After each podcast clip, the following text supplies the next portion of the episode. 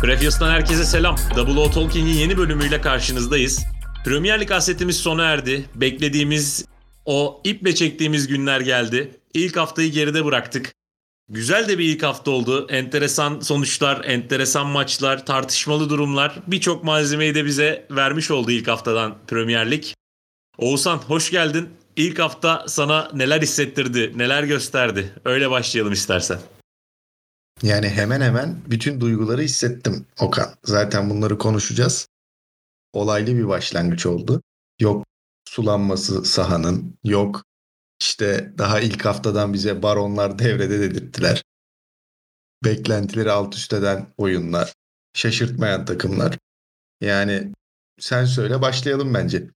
Yani benim ilk başlamak istediğim nokta baronlar e, kelimesini kullandığın için Aston Villa Bournemouth maçı, daha doğrusu Bournemouth Aston Villa maçı olacak. Hepimiz maçtan önce yani Bournemouth'un kadrosuna da baktığımızda Aston Villa'dan bir şaşalı, sükseli bir başlangıç bekledik açıkçası. Ama buna karşılık sahada hiç beklediğimizi alamadık. Ee, yanına bile yaklaşamadı Aston ve inanılmaz bir mağlubiyetle başladı Gerard'ın öğrencileri. Aston Villa Bournemouth maçının yorumlarıyla senle başlayalım. Sonra benim söyleyeceğim de çok şey var bu konuyla ilgili.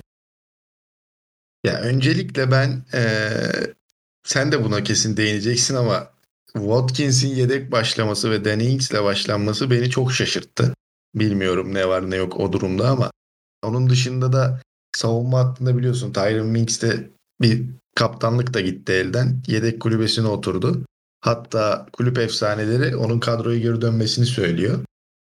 Ya öncelikle Aston Villa'nın bu hava toplarındaki faciası beni o kadar çok şaşırttı ki havadan gelen her top bomba misali bütün oyuncular bırakıyor. Yani Bournemouth'un kadro kalitesine dediğin gibi maçtan önce baktığımda Aston Villa'dan ben de belki farka gitmezdi maç ama galibiyet bekliyordum yani. Bundan daha iyi bir fikstürle başlangıç da olmaz. Yani Gerard'a sallamak da istemiyorum. Geçen sene bizi heyecanlandırdığı dönemler de oldu ama ya ben büyük hayal kırıklığı yaşadım Okan ya. Gerçekten hayal kırıklığı yaşadım. Yani şöyle ben e, Bournemouth sempatizanı olarak bir yandan maçı izlemek için hevesle ekran başına geçtim. Sadece yayını açarken bir sorun yaşadım. O sırada e, maç sonuçlarına bakarken bir anda daha yayını açamadan böyle bir gol bildiriminin yandığını gördüm ve o ay daha ne oluyor dedim. Hemen böyle o golü göreyim diye böyle bir koşturarak açtım.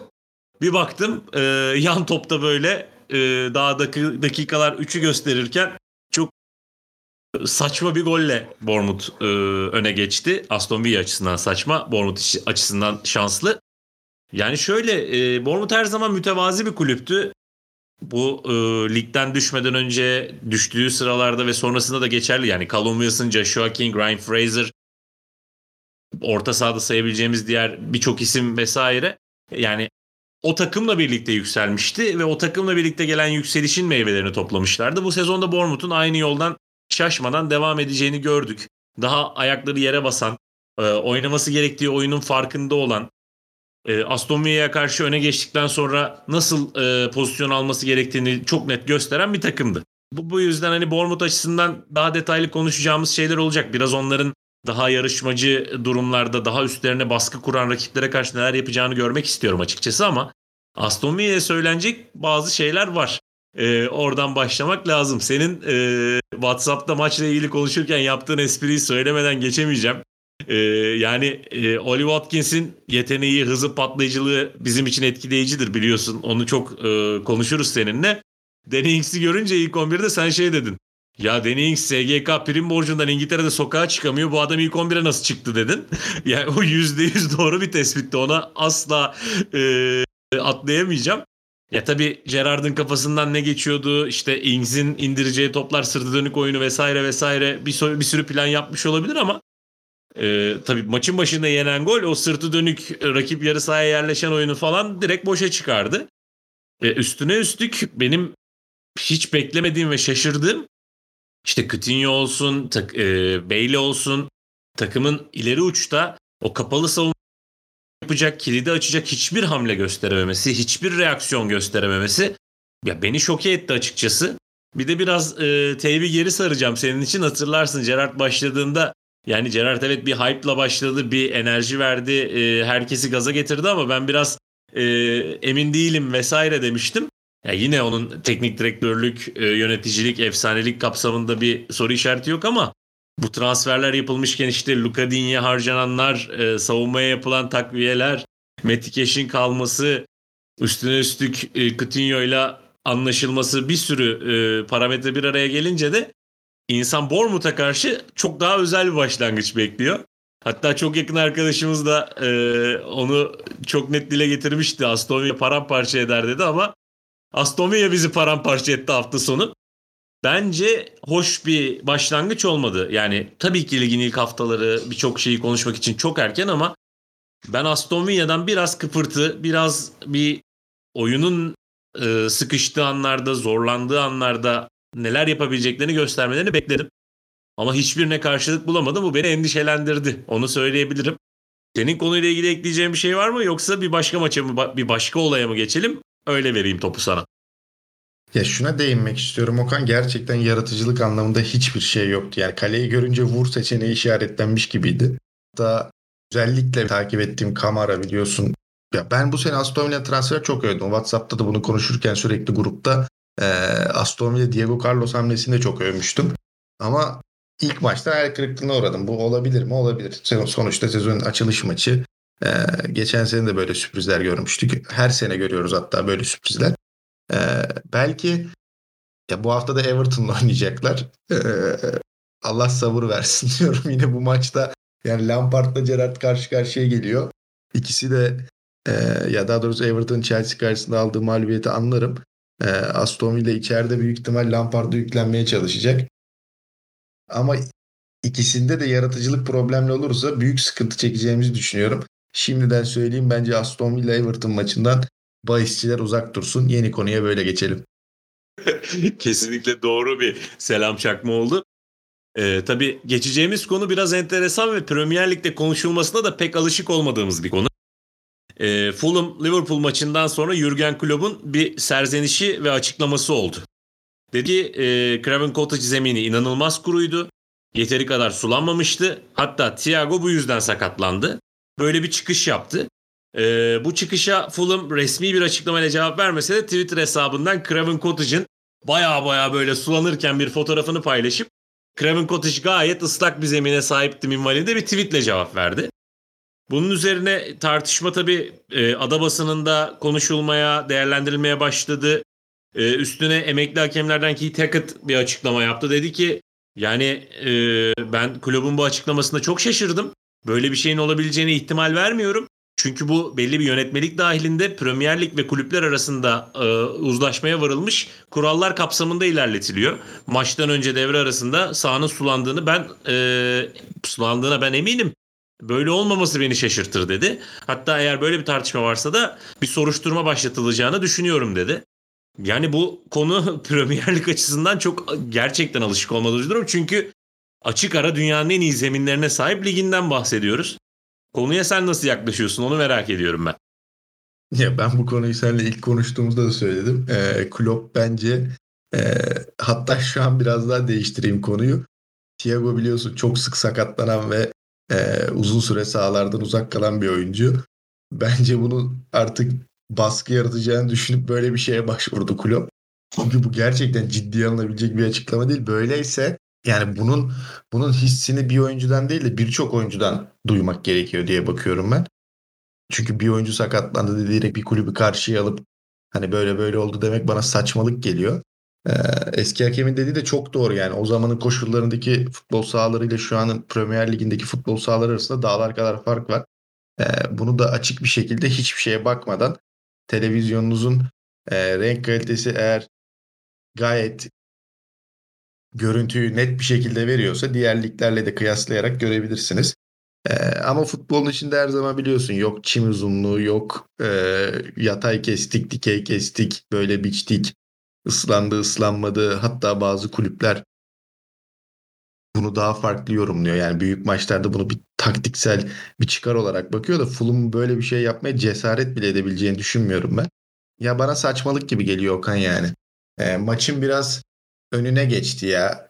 Yani Fulham'la berabere kalmak da yani sen ne diyeceksin bilmiyorum. Belki ondan sonra yoruma geçeriz.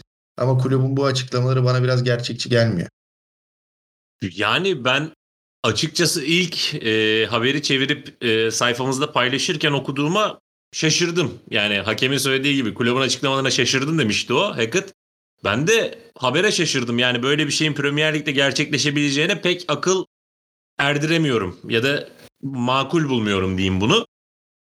Hani şey muhabbeti vardır ya çimler biri gelecek diye boyandı falan böyle o tarz afaki bir açıklama gibi geldi bana. Tabii bizim ülkemizde vesaire yaşananlar pek afaki değil gerçek şeyler oluyor ama Premier Lig'de bunu beklemiyorsunuz en azından. Tabii biraz böyle komik spekülatif bir yana çekeyim o zaman seni. Darwin Nunez'i ilk, ilk 11'de başlatmamasının e, eleştirilerini ortadan kaldırmak biraz da e, sakinleştirmek için mi buraya çekti acaba e, Klopp konuyu diye bir bakış atayım ortaya. Sen ne dersin? Onun diyetini ödedi diyorsun. ee, şöyle söyleyebilirim. Sahada da yani oyun olarak da Darwin oyuna girene kadar Liverpool e, etkili bir oyun gösteremiyordu. Daha doğrusu Darwin girmeden ikinci yarının işte başlarından sonra biraz daha Salah'la boşluklar bulmaya başladılar ama çoksa ilk haftadan bu söylenmez ama 2-3 hafta önce konuştuğumuzda ben Liverpool'un kadrosunun yetersiz olduğunu düşünüyordum. Daha doğrusu orta sahanın yetersiz olduğunu düşünüyordum ve Fulham bile Fulham bile diyorum çünkü e, son 4-5 yıldır Premier Ligi sallayan Liverpool'un Fulham deplasmanında bu kadar zorlanması beni şaşırttı. Yani oyun olarak belki Fulham aşırı net fazla fazla pozisyona girmedi ama istediği alanda boşlukta topu bulup belki hayal bile edemeyecekleri kadar fırsat buldular. Liverpool'un ya bilmiyorum Firmino çok kaliteli bir oyuncu. Çok da sevdiğim bir oyuncu. Hatta o bağlantı oyununda ileride yaptıkları ya benim için bir forvetin gol atmasından ziyade oyunu nasıl şekillendirdiği önemli geliyor. Böyle oyuncuları seviyorum. Yani geçmişte de böyle birçok oyuncuyu övmüştüm. Hatta çok da yakın çevremde eleştirilmiştim. Ama bu maç yani Liverpool Fulham maçına baktığımda ben Liverpool'un başında olsam herhalde boşluk kovalamaya, daha hızlı oyuna, e, arkaya derin toplara dikkat çekerdim. E, ve Darwin oyuna girdikten sonra özellikle Talah tarafından Liverpool istediği şansları buldu. Hatta Darwin'in attığı golden önce aynı pozisyonu bizzat yaşadılar ve o an olmamıştı. Ama yani bilmiyorum neden böyle bir tercihte bulundu? Çünkü bundan önce City maçı da vardı. Gayet sahadaydı. Gayet de taraftarlara böyle bir selam çakarak Liverpool formasıyla iyi bir başlangıç yapmıştı. Bilmiyorum sürpriz geldi bu tercihi bana. Belki bunun diyetini ödemiş olabilir gerçekten. Ya Fulham ya şunu şunu değinmek istiyorum aslında Okan. Maçtan sonra kulübün açıklamaları şu an aklıma geldi ve bu skor bizim için çok iyi dedi. Yani bundan bundan daha iyisi olamaz dedi. Yani buna şükretti resmen gerçekten belki Fulham biraz daha kapalı kutu oyunu daha iyi oynayabilseydi, e, kaleyi biraz daha iyi koruyabilseydi galibiyet bile çıkarabilirdi. Çünkü tam nokta yerlerde, tam dakikalarda böyle Liverpool'a karşı hani olmayacak denilen yerde mucizeler gerçekleşti. Hani penaltının ardından yaşananlar, oyunun tamamen Liverpool'a devrilmesi ama genel olarak maça baktığımızda Liverpool herhangi bir üstünlük kurmadı. Yani Arsenal'ın Crystal Palace 30 dakikada yaptığını ya da Crystal Palace'ın Arsenal 45 dakikada yaptığını, Newcastle'ın Nottingham'a 90 dakika boyunca yaptığını yapamadı Liverpool. Bilmiyorum belki bu biraz daha bazı şeyleri alevlendirir ama şu an çok erken olmasına rağmen ben Liverpool'un gerçekten transfer ihtiyacı olduğunu düşünüyorum. Fakat Klopp inatla transfer istemiyor. Bu sene bence lig daha zor yani. Fulham'ın yaptıklarına bakarsak işte ligin açılış haftasında ligin alt sırada yer alan takımların performanslarına bakarsak zor bir sezon olacağını biliyoruz. Fulham da bence bu şekilde bir mesaj vermiş oldu diye bakıyorum. Yani o konuda çok netiz aslında. Herkes de buna katılacaktır diye düşünüyorum. Ee, Premier Lig'de artık belli bir aşama, belli bir seviye çoktan geçildi. Bundan sonra her sezon her takım özellikle yeni televizyon anlaşması ve oradan gelen devasa e, para akışında düşündüğümüzde üstüne koymaya devam edecek. E bu da ligin kalitesini arttırdığı gibi e, dev takımlar için de kolay maç sayısının çok çok az olmasına sebep verecek. Ya Fulham da şu an mütevazi kadroların başında geliyor Bournemouth'la beraber bence ligin genel ortalamasına baktığımızda ve açılış onlar için gayet güzel oldu. Gayet e, şaşalı oldu öyle söyleyebilirim yani.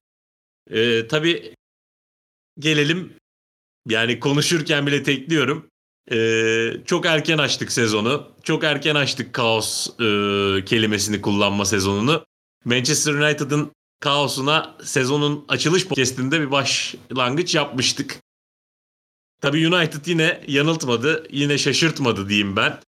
Brighton karşısında alınan bir mağlubiyet, tartışmalı bir mağlubiyet, eleştirilere sebep olan bir mağlubiyet. Ronaldo'nun yedek kulübesi, Ronaldo'nun oyuna girişi, maçtan sonra Erik Ten Hag'ın Ronaldo öndeyken ve Eriksen arkadayken çok daha iyiydik açıklaması. Ya bunlar üst üste geldiğinde problemlerin ortadan kalkmak bir yana herhalde biraz daha demlendikçe güç kazandığını mı göstermeye başladı diye bir düşünmeye başladım. Ee, Brighton United maçını nasıl değerlendiriyorsun? Daha bugün e, Jamie O'Hara'nın bir açıklamasını okudum. E, içerik olarak girmedim ama e, United hala aynı, aynı kaos devam ediyor dedi. İlk hafta açılış haftasından önce de biz kaydımıza girdiğimizde 3 transferin ya da 4 neyse artık transferin yeterli olmadığını, Ronaldo kaosunun büyük bir problem yarattığını söylemiştik. Hatta şöyle bir sahne vardı. Ronaldo oyuna girerken Erik Ten Hag başında bekliyordu ayakta. Hani ya bilmiyorum Ronaldo'nun bana sorarsan şu takımda yani Harry Maguire'ın yaptığı idmandan daha çok idman yaptığını eminim kendi evinde. Ve Ronaldo varsa bizzat başlatmalısın diye bakıyorum ben. Ben olsam öyle başlatırdım yani. Hiç umurumda da olmazdı. İkinci 45'i düşüneceğim. İlk 45'te denerdim. Yetersizse çıkartırdım. Ben onun dışında Ronaldo'nun dışında yani ben artık Rashford falan filan bu bu oyuncuların hala saçma sapan tripler yaptığını, attığını ee, Sancho'nun savrukal yani hani benim bir tabirim var ya Ryan Donk tarzı oyuncular hiçbir şey umursamıyormuş gibi gözüken oyuncular yani hiçbir şey ciddiye almıyorlar gibi geliyor ve ben gerçekten Martial'ın daha üstün bir oyuncu olduğunu düşünüyorum artık Sancho ve Rashford'dan. Daha daha verimli olabileceğini düşünüyorum. Hücum hattında e, yani United kağıda bakınca evet şut atmış. Benim aklıma doğru düzgün pozisyon gelmiyor United'ın attığı. Ama Brighton'a bakınca mesela Brighton'da ben Trossard'a bambaşka bir parantez açmam lazım yani. Yakaladığı boşları o kadar iyi değerlendiriyor. Toplu oyunda çok iyi. Welbeck'le inanılmaz bağlantı oyunları kuruyor. Yani Brighton'ın yaptığı şey şuydu. United topla oynadı, oynadı, oynadı, geldi. Graham Potter'ın öğrencileri topu aldı. Oyunu bir kanada yıkıyorlar. Arka direğe oyun oynuyorlar. Öbür kanada topu ilerletip bir anda United savunmasını alt üst ediyorlar. E bu 1, 2, 3 e yakaladı attı, yakaladı attı. United'da yani taraftarlar ya bilmiyorum geç ilk kaydımızda da bunu söylemiştik yani bir takım bir sezonu açarken böyle hayal etmez ya ya da bir takımın başına gelen yeni bir menajer asla böyle bir sezon başlangıcı hayal etmez.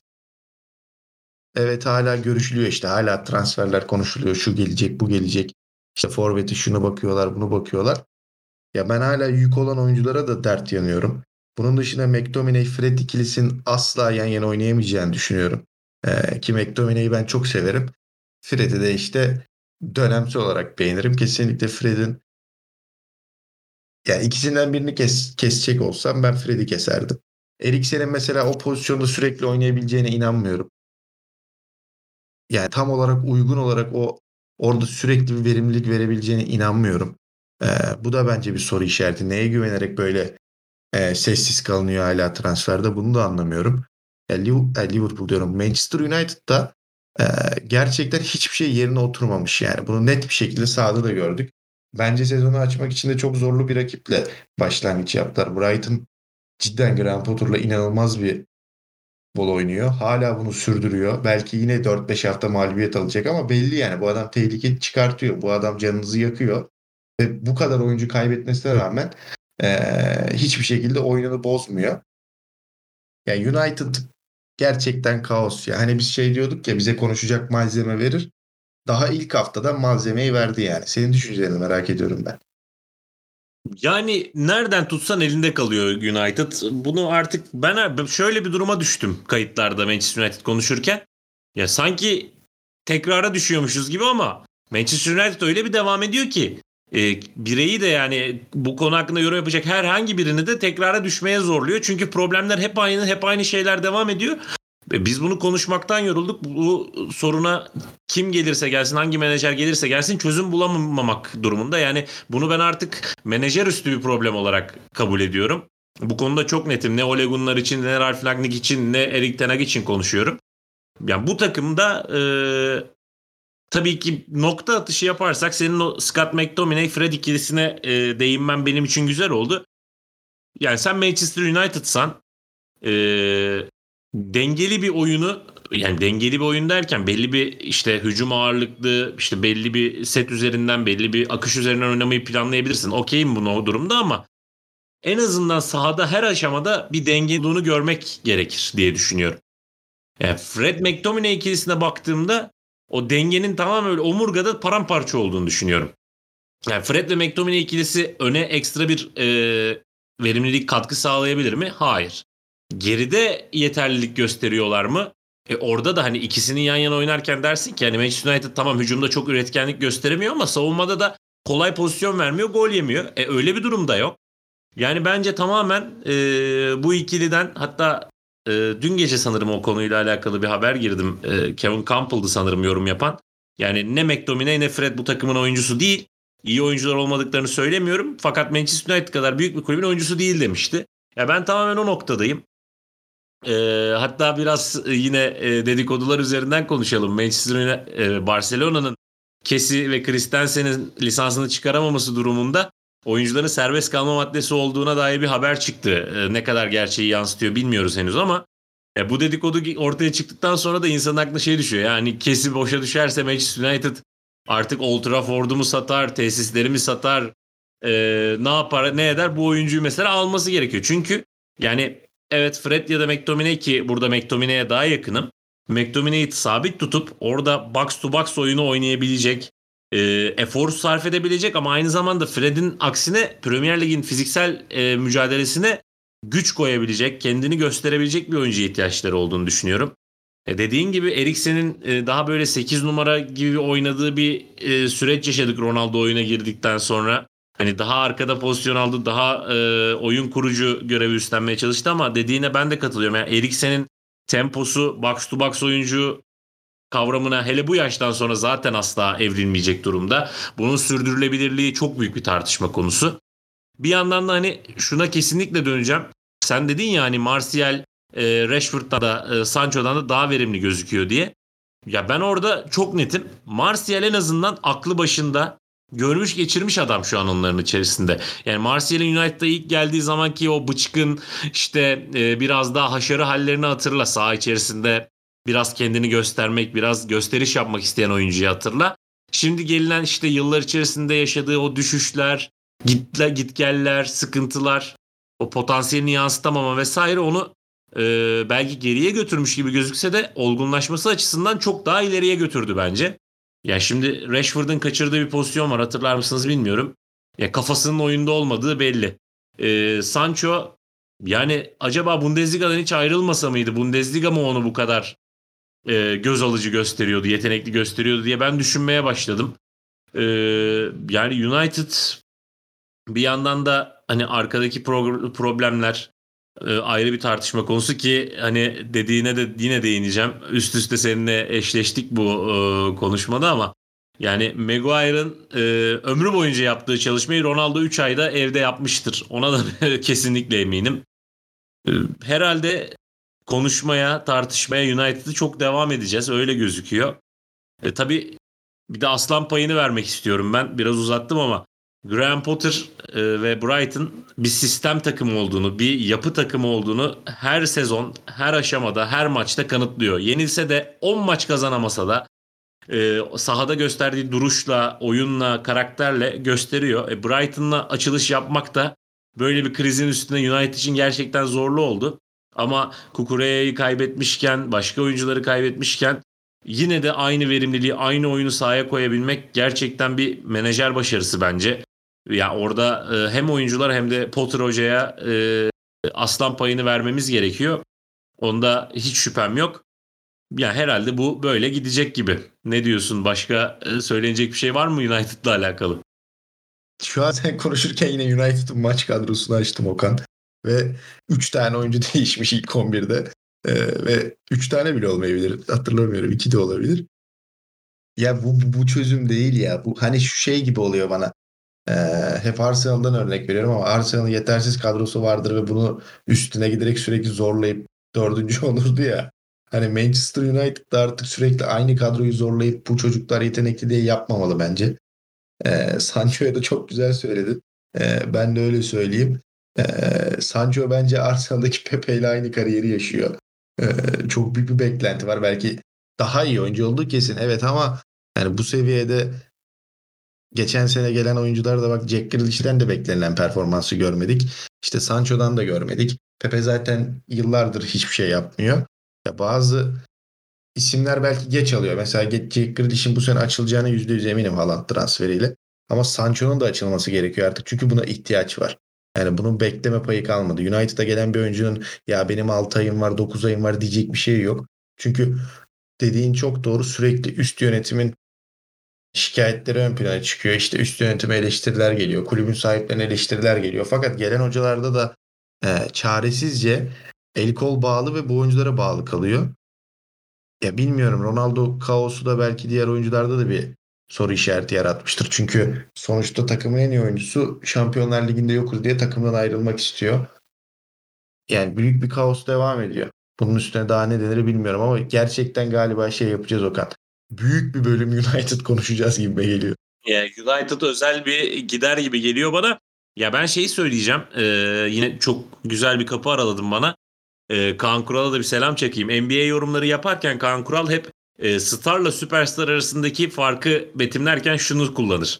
Yani starla süperstar arasında tek bir basamak vardır. Ama o tek basamağı atlamak star olana kadar atladığınız tüm basamaklardan daha zordur diye. Şimdi baktığın zaman işte Grealish'in Aston Villa'dan gelip City'de gösterdiği oyun yani o üst basamağa çıkabilmek gerçekten çok zorludur. Ee, diğer birçok oyuncudan da örnek verebiliriz ama yani işte Rashford olsun, Sancho olsun o basama atlayacak mı ya da atlamaya niyetleri var mı o benim için soru işareti olmaya başladı. Yani Bleacher Report'un e, hazırladığı bir görsel vardı Jadon Sancho'nun Manchester United kariyeriyle alakalı. 30 küsür maça çıkmış. 3 gol 3 asist yapmış. Yani bu bonservisle, bu beklentiyle, bu hype'la diyeyim. E, sen bunu elde ediyorsan e, Hurşut Meriç daha çok yapardı. Ben sana çok net söyleyeyim yani.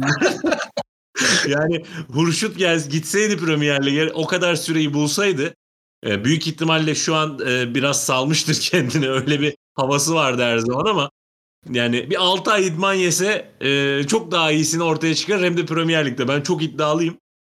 O yüzden yani şuna son olarak değineceğim. Hatta bundan sonra da podcast'i kapatırız. Yine yarım saat bandına geldik. Manchester United'ın probleminin antrenör, menajer problemi olmadığı artık çok bariz bir şekilde ortaya çıkmış durumda. Yani e, Ole olmadı, Mourinho biraz daha geriye saralım. Mourinho olmadı ki Mourinho'nun United'da yaşadığım ikincilik kariyerimdeki en büyük başarılar arasında demesi bile bence çok önemli bir done veriyor bize.